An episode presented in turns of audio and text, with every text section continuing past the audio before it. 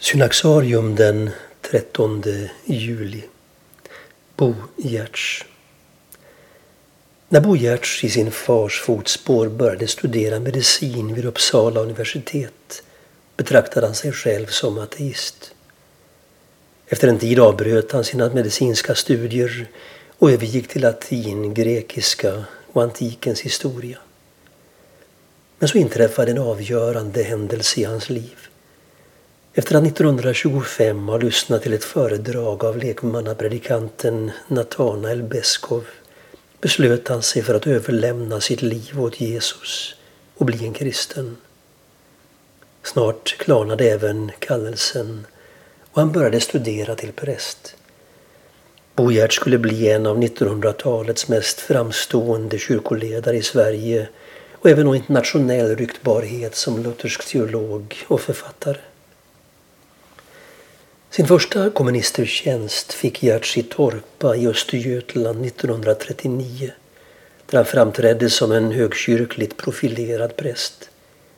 Bo var en väckelsepräst, färgstark och med ett brinnande hjärta för mission och kyrkans förnyelse.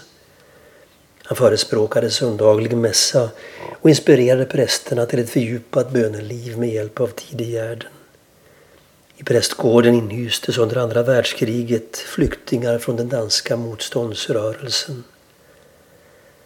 Under de tio åren som präst i Torpa skrev Giertz flera av sina böcker. Till de mer kända hör Stengrunden, en historisk roman om nåd och försoning som skildrar hur Gud verkar när han leder en människa till en levande tro. En ung pastorsadjunkt får lämna en fest i prästgården för ett sjukbesök men visar sig stå handfallen när han möter en döende man som behöver få frid med Gud.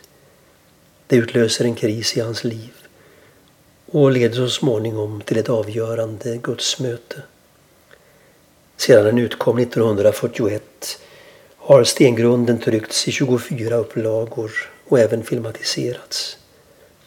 Till Bo Giertz övriga författarskap hör böcker som Kristi kyrka, Tron alena och Med egna ögon.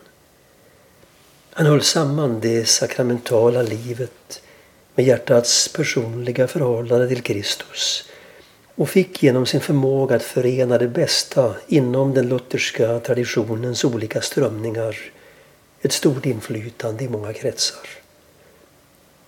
År 1949 utnämndes Bo Giertz till biskop i Göteborgs stift. Ett uppdrag han hade fram till sin pensionering 1970. Som biskop emeritus genomförde han en fullständig nyöversättning av Nya testamentet. Den blev klar 1981 och anses av många kunna mäta sig med den officiella översättningen NT 81 som blev färdig samma år. Bo Giertz dog den 12 juli 1998 i en ålder av 93 år.